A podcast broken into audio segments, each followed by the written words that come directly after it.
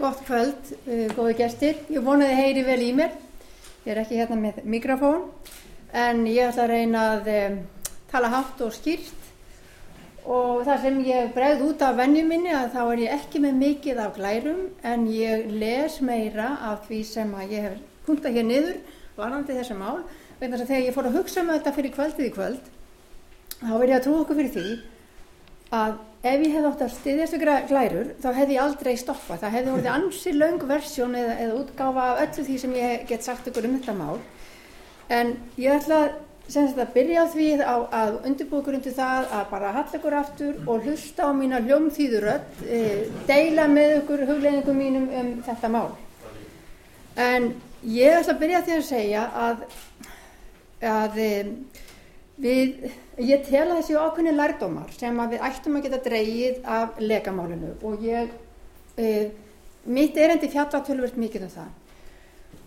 Og þessir lærdómar þeir gefa einsar vísbendingar um það sem að við eða menn ættu að hafa gert eða ættu ekki að hafa gert eða það sem við ættum að gera í framtíðinni en þá ætlum ég bara að byrja á því að segja nokkuð sem svona goes without saying að um, líðræðislega ábyrð hana er ekki hægt að viðhafa nema til staða séu stjórnmál, fjölmiðlar og akademia sem virka í þá almanna hagsmuna. Og þess vegna spyr ég hér hvað er það sem stjórnmálinn og fjölmiðlarnir og akademia sjálf sem ég er hluti af geta lært af þessu tiltekna máli. Ég verða að segja það að þetta tiltekna mál það hefur uh, markað ákveðin þáttaskil í umræðu og aðkomu almennings um skilningin á uh, pólitískri ábyrð. Ég ætla að, að byrja á því að koma hér fram með þær vísbendingar sem ég held að stjórnmálinn, fjölmiðlarnir og akademían ættu að geta lært af þessu máli og síðan ætlum ég að lýsa fyrir ykkur þeim fræðilega skilningi sem ég hef á þessu máli og er svona svo undirstaða sem að ég hef þegar ég er að varpa ljósi á málefni líðandi stundar, svona almennt. Nú, ég ætla að byrja þá á stjórnmálunum uh, og þá ætlum ég að byrja því að segja það að þegar framkoma gaggrínar, aðtóasendir og ábendingar um störfur á þeirra Þá ættu hvorki ráþeran ég stuðningsmenn hans að stunda þá yði að stjóta sendibóðan. Ráþeran í lekamálunu hefði átt að stíga til hliðar þegar málunu var vísað í laurugluransók í stað þess að hefja slíka skotríð ánánast allt og alla í kringum sig. Margar stopnarnir stjórnsíslanar eins og við vitum núna, fjölmilar og fræðimenn máttu búa við slíka skotríð á meðan að málunu stóð með þeim skafa sem það hefur í förn með sér. Þetta eru nokkur sem ráðurna sjálfur eru búin að gangast við. Svo þetta ættu við öll að segja við okkur sjálf, já þetta er nokkur sem við getum lært af þessu máli. Nú fjölmilar, þeir þurfa tölvert úttalt og þykkan skráp, þau þurfa þór og einur til að halda málunu vakandi með vandaðri rannsóknarbladamennsku og skýrum fréttaflutningi Þeir verða að njóta sjálfstæðis, gagvart eigundum og ekki láta hræða sig á vit óttans og sjálfsrýtskoðunar. Hér þurfa frétta eða fjölmjölumenn að vanda hvers skref því ef þeim verður eitthvað á þó lítið sé þá er hægt að nota það gegnum, gegn þeim til að grafa undan trúverðurleika þeirra. Af legamálunu lærðu við landsmenn ímislegt um áhrif egnarhalds e, fjölmila á rannsóknarbladamennsku og upplýsta ofnbæra umræðu. Nú þá er komið á nokkrum orðum um akademíuna, það sem, að, það ég sem sjálf kem. Fræðimenn og álitskjafar úr háskólarsamfélaginu eiga aldrei að semja um fræðilega ígröndaðar niðurstöðu sínar og álit. Í fræðarsamfélaginu rögræða menn málefni líðandi stundar með þeim skilningi sem þeir sækja inn í fræðilega rannsóknir og kenningar. Í stjórn, stjórnmálunum aftur á móti þá semja menn. Þar ganga niðurstöður og sjónamið, kaupum og söl, sölum áðurum menn á endingu komast að niðurstöðinni. Háskólaborgari sem gerir slíkt setur faglegan heiður sinn og heilindi í hættu. Hann ætti umfram allt að víkja sér undan því að tjá sig um mál innan stjórnsvíslunar ef hann með einum eða öðrum hætti er tengdur viðkomandi stjórnmálamanni í gegnum vennsl eða vinnu. Og það getur ég segja líka vinnu. Þannig bara nokkuð mikið um það að við í akademiðin tökum okkur einstakar verkefni fyrir stjórnsvísluna. Því miður þá búum við ekki við það hér á Íslandi að hafa stofnum sem getur verið millilegðurinn og þar með varðveitt og staði vörð um akademiska um, heiðurinn sem um, akademikrar sem fræðaheimurinn þarf að viðhafa. Það er að segja einhvers konar stofnun sem kaupir þjónustu af fræðimönnum en það sé ekki ráð þeirra sjálfur sem sé að, kaup, sé að kaupa þjónustu fræðimannuna. Þarna þarf þurfum við að fá skonar eldvegg á milli, ykkur að virka stofnun sem sér um að kaupa þau álit, þær greiningar og þá þekkingu úr heimi e, háskólans eða háskólasamfélagsins. Akademia sem gefur stjórnmálamönnu svirum til að stunda tækifærismennsku í þessu sambandi er að bregðast trösti almennings og hér þurfa að mínu viti fjölmilar að vanda sig því skilaboð akademíunar þau berast til almennings eftir leiðum fjölmilana. Nú til að fylgja þessum svona vísbendingu sem ég tel að þetta mál hafi gefið okkur eftir, þá ætlum ég að útskýra fyrir ykkur hvernig ég skil þetta mál og hver er minn fræðilegu skilningur á því. Nú, um, umbóðsmaðurni, umbóðsmaður talaði hér um umbóð, umbóðsmaður altingist talaði hér um umbóð og um, framsal ábyrðar og valdaina stjórnkerfisins. En þegar umboð er veitt þar að segja ábyrð og völd eru framseld til fulltrúa í þingræði skipulagi er tröst og trúverðuleiki límið í slíku framsali. Í þessu sambandi vísar hugtækið ábyrð til þess að standa reikniskil gerða sinna. Það er þetta er ekki það að bera ábyrð á einhverju, heldur er þetta að bera ábyrð á einhverju gagvart einhverjum. Það er að segja þetta er ennska orði accountability en ekki responsibility. Við erum í nokkru vandræðum með þetta hugtak eins og margar aðrar evróskar þjóðir sem er ekki með þessi tvö hugtök til þess að aðskilja tegund af ábyrð. Nú þingræðis skipulagið er manngert e, skipulag, við skulum hafa það í huga, manngert skipulag þar sem byggingarefnið er fólk með mannlegar tilfinningar sem ákvarðast meðal annars af væntingum, trösti, óta, ánægu, tiltrú eða von um sangjörni þegar reglum er beitt, sangjörni sem jafnvel getur tekið á sig mynd meðvirkni. Það er oft stutt í hana í litum samfélagum. Mikilvægt er að gera sig grein fyrir því hvernig tröst og trúverðulegi virkar í þessu samhengi. Þetta eru tilfinningar í samskiptum manna sem eru þeirrar náttúru að þær gera ekki greinamun á því hvort trúverðuleiki er í ásýnd eða reynd. Hvort um sig ásýndin og reyndin eru nöðsilegt Annað þessar að tvekja dugir hins vegar ekki til. Það þarf hvort tvekja til að vera til staðar í einu ef tröst á að viðhaldast. Í þingræði skipuleginu virkar framsalið einhvern veginn svona og þá fáið að sjá mynd.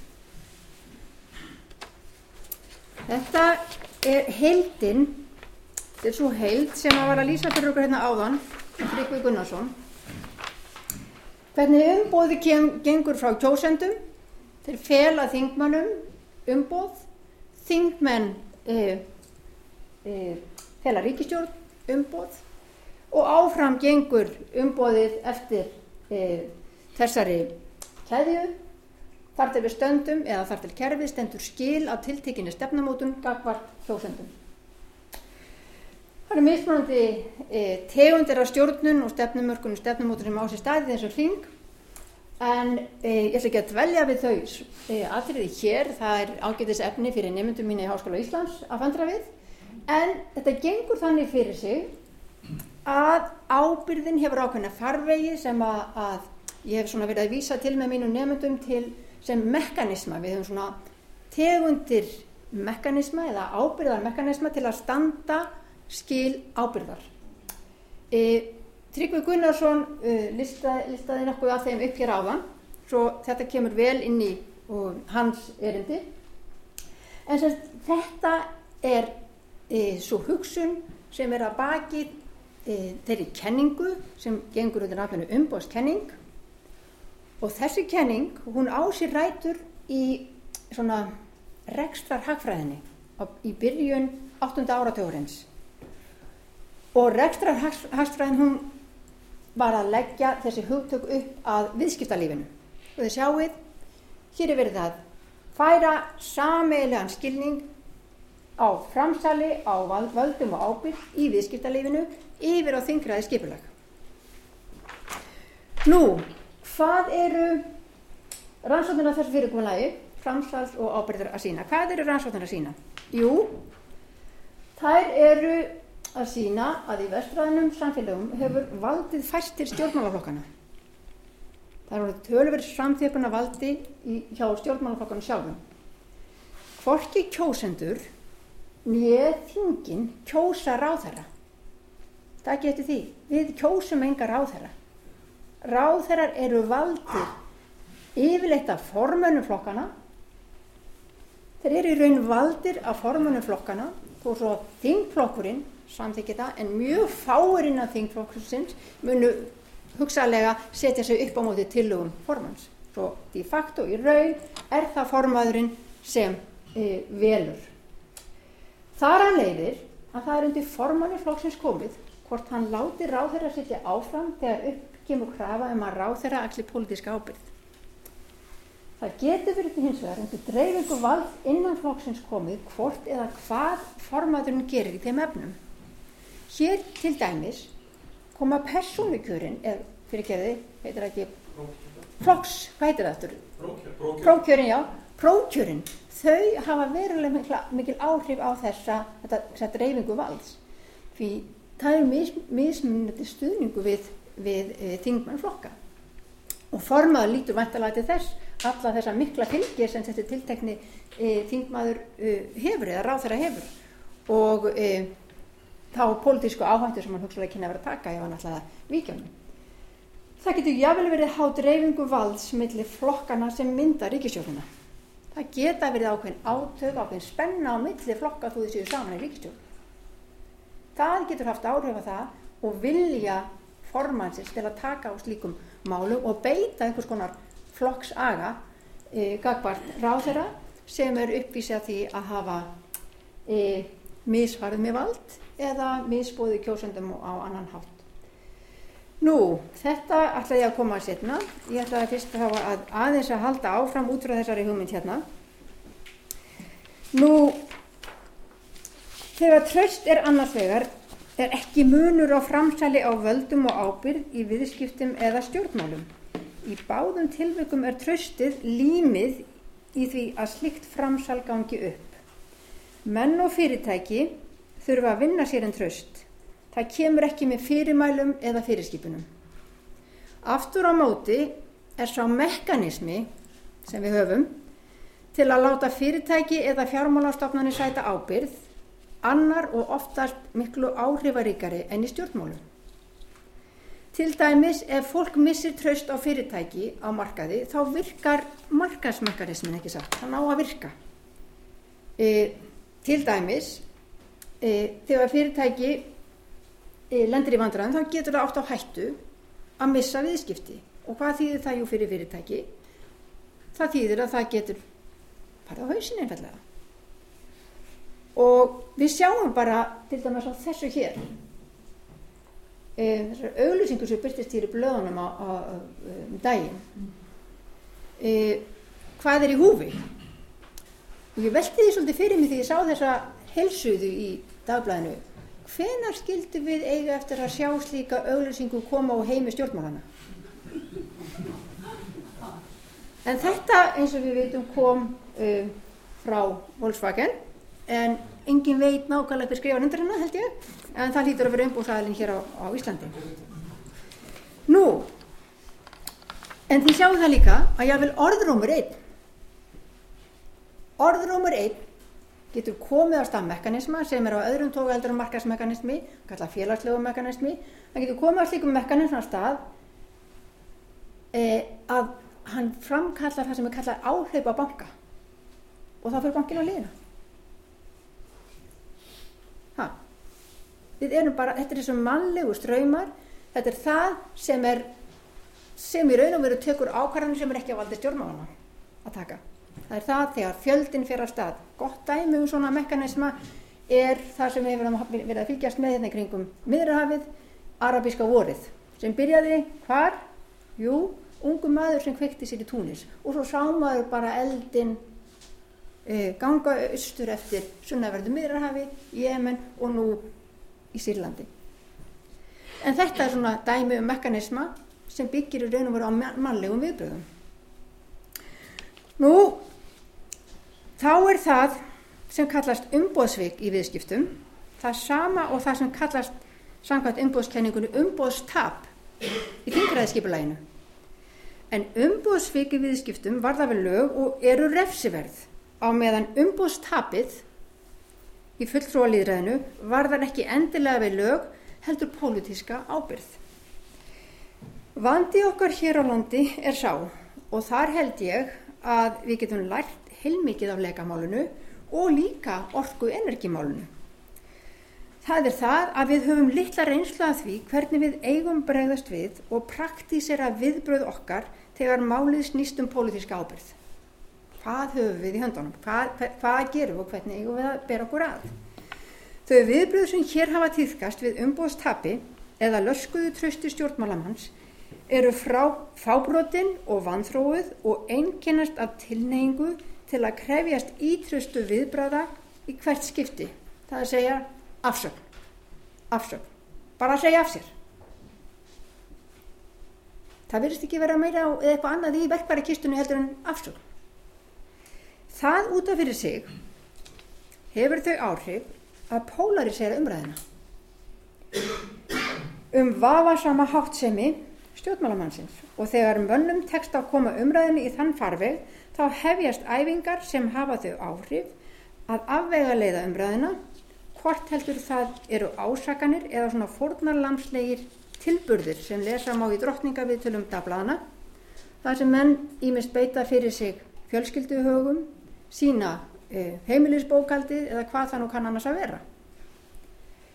E, á meðan gera stjórnmálansmenn sér vonur um að málið þreytist menn fá leiðamálinu og það líði hjá og að ábyrðin verði falin þeim mekanisma sem byggir á minni kjósenda í næstu kostningum. Hér vantar okkur stjórnsýslulega þekkingu, hefni og þór til að fylgja því eftir að stjórnmálamenn sem fara með mikil völd, svo sem ráþærar, borgarstjórar og bæjastjórar, standi skilgerðar sinna eftir leiðum sem betur hæfa miðstökum eða umbóðstappi hverju sinni. Þannig mætti til dæmis hugsa sér að, við, að hérna svona stigvaksandi viðbröð áður en til afsatna kemur. Svona svipa á þá ferli sem þarf áður en maður segir ofnbjörn starfsmann upp. Segjum svo til dæmis að byrja á því fyrsta skref. Viðukenna miðstökin ofnbjörlega og byggast afsökunar viðurkenna miðstykkin ofinbellega og byggðast afsökunar. Byggðast afsökunar og opna á óhaða rannsókn til að leiða fram sannleikan í málinu. Ekki endilega að finna sökudólgin og sektina og viðurlögin heldur hvernig liggur í málinu. Bjóðast til að bæta skadan sem að málinu kann að hafa hlutist, það er einn leiðin. Stíga til hliðar tímabundið það sem að ráð þeirra nokkar í leikamálunu hefði betur gert um mánámútin í jánu og februar þegar málið fór á sínum tíma í lauruglaransu. Nú eða segja af sér sem ráð þeirra, borgarstjóri eða bæjastjóri. E, Blæbriðið við það getur verið, menn segja af sér ráð þeirra ennbæti eða bæjastjórnir ennbæti, menn þurfa kannski ekki að fara úr sveitastjórninu eða fara úr af þinginu. E, ítrast það að menn segja af sér og, og, og yfirgeru hvort tvekja. Á lokum þá ætla ég að sína okkur nokkuð dæmi um ábyrg í merkingunni fyrirsvar og draga þá hérna þessa marg þáttu tegundir af ábyrg sem við höfum og það verður segja eins og er að lagalega ábyrðin er hvað lengst eða mest þróið hjá okkur. Pólitíska ábyrðin er lít þróið og stjórnunarlega ábyrð, við höfum ákveðin verkværi til að ganga eftir slíkri ábyrð, okkur sem að hann vísaði til hér áðan, eh, hann Tryggvi Gunnarsson. Faglega ábyrð, þetta er yfirleitt eh, svona fyllt eftir að fagfélögum, þar sem að fagfélög kunna að hafa, til dæmis, þau kunna að hafa ákveðnar code of conduct eða ákveðnar viðmiðnareglur til þess sem menn verða umgangast. Og ég ætla bara að benda ykkur að það er svona til gamans að, að lengi vel þá voru aðeins tvær stjettir sem hafa mest e, komið að mótun ofnbæra stefnu sem hefðu síðareglur, talandi ekki um síðareglur en það eru, vitið þið hverjir? Nei. Læknar og verkfræðingar. Læknar og verkfræðingar. Akkur er verkfræðingar? Lengst af hefðu þeir verulega og einn mestu áhrif á ákvarðanir stjórnmálana til dæmis að þeir varðar málefni sem tengjast líðhelsu, frárensli, byggingamál og margskonað slíkir e, innviður. En það er ekki fyrir nýlega að hagfræðingar sem á síðustu 20, 30, 40 árum í bandaríkjunum hafa samþygt sér síðareglur. En hagfræðingar í dag hafa veiga mikil áhrif á daglegt líf fólks með ráðgjöfsumni við stjórnvöld.